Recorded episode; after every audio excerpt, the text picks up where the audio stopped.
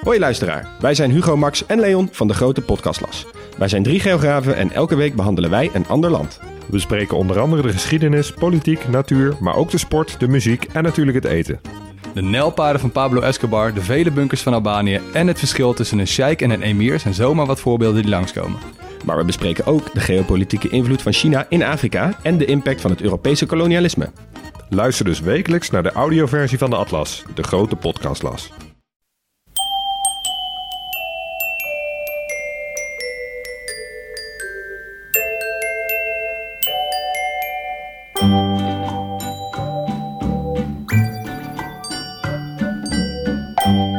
Welkom bij aflevering 296 van Echt Gebeurd. De podcast waarin waargebeurde verhalen worden verteld door de mensen die ze zelf hebben beleefd.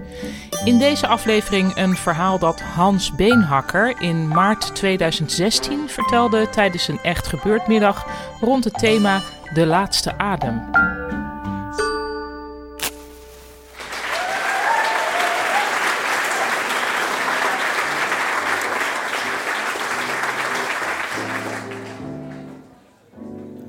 Zo, goedemiddag, daar sta je dan. En uh, om een verhaal te vertellen over dit prachtige thema. En om daar maar mee te beginnen, het is uh, inmiddels alweer jaren en jaren, vele jaren geleden, dat uh, mijn moeder haar laatste adem uitblies. En nou ja, dat is natuurlijk nooit zo heel prettig. Er ging een heel verhaal aan vooraf van wat ze wilde als ze overleden zou zijn na haar overlijden. En en, en, geldgebrek en weet ik veel wat uh, allemaal. Maar uiteindelijk, uh, mede door toedoen van mijn broers en mijzelf, werd er toch gekozen om uh, haar te laten cremeren hier in, in Amsterdam, op, op Westgaarde. En nou, dat hebben we toen geregeld met elkaar. En dan is de crematie achter de rug. En ja, degene die dat wel eens van dichtbij hebben meegemaakt, die weten dan dat na afloop van de crematie wordt de as bij elkaar geschraapt. En in zo'n mooie vaas, urn heet dat geloof ik, gedaan. En die moet dan een tijdje bewaard worden om juridische redenen in dat crematorium. Maar daarna moet er dus iets met die, met die urn gebeuren, met die as gebeuren. Nou, er zijn tal van mogelijkheden. Je kunt er tegenwoordig zelfs een edelsteen uit laten persen en dat in een ring plaatsen en zo. Je kunt hem op de hoek van de schoorsteen zetten, die urn. Of ergens op je bovenkamer diep weggeborgen in een kast of zo. En je kunt natuurlijk ook verstrooien. En, uh, maar wij wisten het niet. Mijn broers en ik wisten het niet. Niemand, uh, niemand wilde er nog verder kosten aan maken. Dat had niks met moeder te maken. Maar niemand voelde er ook voor. Ik al helemaal niet om het op de hoek van de schoorsteen te zetten. Of boven in een kast. Dus uh, na een half jaar kwam er bericht van het crematorium van... ja, uw urn staat hier. wat wilt u daarmee? Zei, ja, weten het eigenlijk niet zo wat we ermee willen. Kan hij nog even blijven staan? Ja hoor, kan nog even blijven staan, maar daar moet u wel voor betalen. Nou oké, dan betaal ik dat. Dus dan kreeg ik een rekening, mooie, mooie, mooie factuur, van 80 gulden toen nog. En dan bleef die euro een jaar in de opslag, in het magazijn zal ik maar zeggen, van het uh, crematorium. En toen na een jaar weer een briefje, weer een telefoontje. Weet u het al? Uh, nee, eigenlijk weten we het nog niet. Kunnen we opslag nog een jaartje verlengen? Ja hoor, dat kan. Weer een factuur. Weer 80. Ik moet dat nog steeds met mijn broers verrekenen, maar goed, dat terzijde. En, uh, en dan vroeg de familie al van, uh, uh, wat hebben jullie gedaan met moeder? nou, die staat nog steeds in de opslag. Oh, ja, nou, weet je, nee, we laten nog even in de opslag. Nou, derde jaar, weer de opslag. Afijn, om een lang verhaal kort te maken. Na acht jaar in de opslag, moeder in de opslag vonden we toch wel tijd dat er iets uh, gebeuren moest. En uh, de koppen bij elkaar gestoken en zeiden ja, we, geen edelsteen, geen schoorsteen, geen, uh, we gaan verstrooien. Oké, ja, maar ja, hoe, hoe doe je dat? ik kom oorspronkelijk uit Amsterdam. Ik woon al jarenlang in Scheveningen. En dan liggen daar in de haven van die boten. Wij doen uw begrafenis op zee en asverstrooiing en zo. Dat kun je allemaal regelen. En, uh, maar mijn moeder die was bang voor water, dus zee was niks. Dat, dat moesten we maar niet uh, doen. En als er dan verstrooid moest worden, dan, dan moest dat maar in Amsterdam zijn. Want ja, zij kwam daar vandaan, uit de Jordaan. Dus dat was geen andere mogelijkheid, dat moest Amsterdam zijn. Oké, nou Amsterdam. Maar hoe doe je dat? Mag dat? Hoe doe je dat? Dat, is toch zo'n wet op de lijkbezorging, geloof ik. Dus, nou, zei tegen mijn broers, weet je, ik bel eens naar dat crematorium. Misschien hebben die wat tips. Dus ik krijg iemand van, het, uh, van de administratie van het crematorium aan de telefoon. Ik dacht, mevrouw, mag ik u wat vragen? Mijn moeder staat nog steeds in de opslag, maar daar willen we nu verandering in brengen, definitieve oplossing voor vinden. En we denken aan verstrooien. Weet u misschien, want u bent deskundig daar op het crematorium, mag dat in Amsterdam? Nee, zegt ze. Dat is, uh, zonder vergunning is dat absoluut verboden. Maar, zegt ze, de meeste mensen trekken zich daar niks van aan hoor. Dat is, uh, ja. Nou, oké, ja, dank u wel. Goed, dan, weten we dat. Ja, maar, maar vergunning, ja, zo, zo maar doen. Ja, het, kan natuurlijk. Hè. Ik ben ik, ja, uit mijn oude provo-tijd niet zo heel gezagsgetrouw, maar ik zie mezelf toch niet staan met zo'n bus.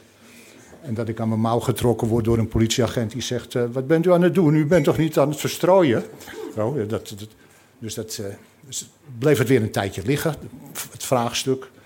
En toen denk ik: Ik ga toch eens naar de gemeente bellen. En. Uh, nou, ondertussen, dat is ook al jarenlang, hadden we natuurlijk alle stadsdelen en deelraden en weet ik veel wat. Dus het kostte de nodige moeite om ergens bij de gemeente aan het juiste adres te komen. Dus ik heb wat rond moeten bellen en rond moeten bellen. En uiteindelijk kom ik terecht bij de dienst begraven en cremeren van de binnenstad.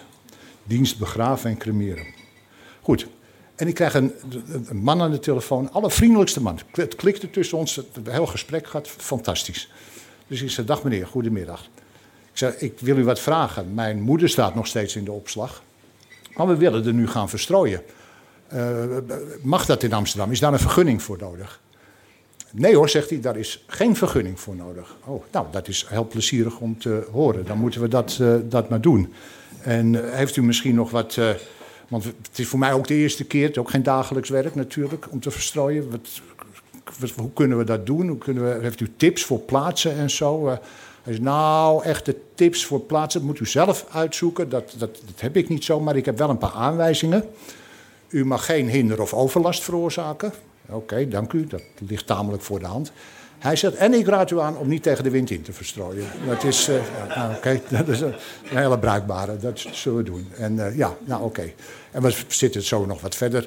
We zijn zo verder nog wat aan het kletsen. Waarop hij vraagt van... Uh, u eh, denkt aan de binnenstad? Ja, denk aan de binnenstad. Mag ik u vragen, zegt hij, waar kwam uw moeder vandaan?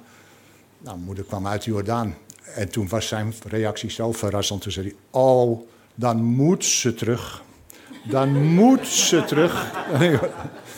nou, uiteindelijk hebben we dat ook gedaan. Dat vereist dan nog enige organisatie en voorbereiding. Want je moet natuurlijk een plek zoeken. En de familie moet kunnen. En, maar goed, op een zaterdagmiddag in november eind van de zaterdagmiddag, hadden we gezegd van nou, we doen het.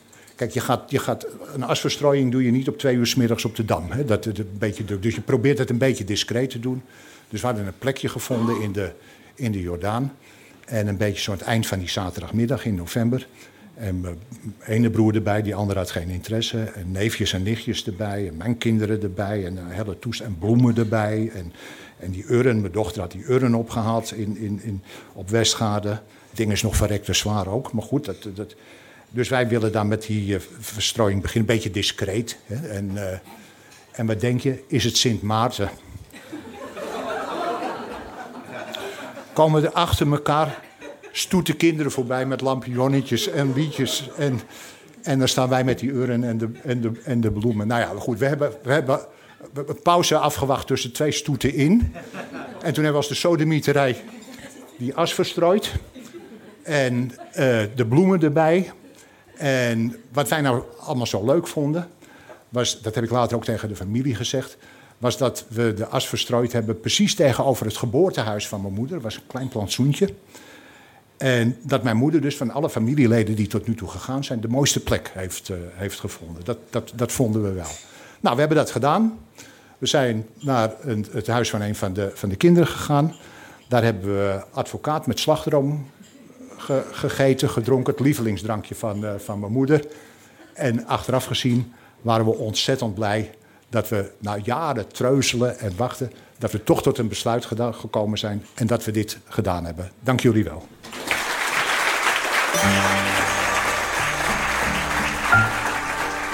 Dat was een verhaal van Hans Beenhakker. Hij vertelde het vijf jaar geleden bij ons in Toemler.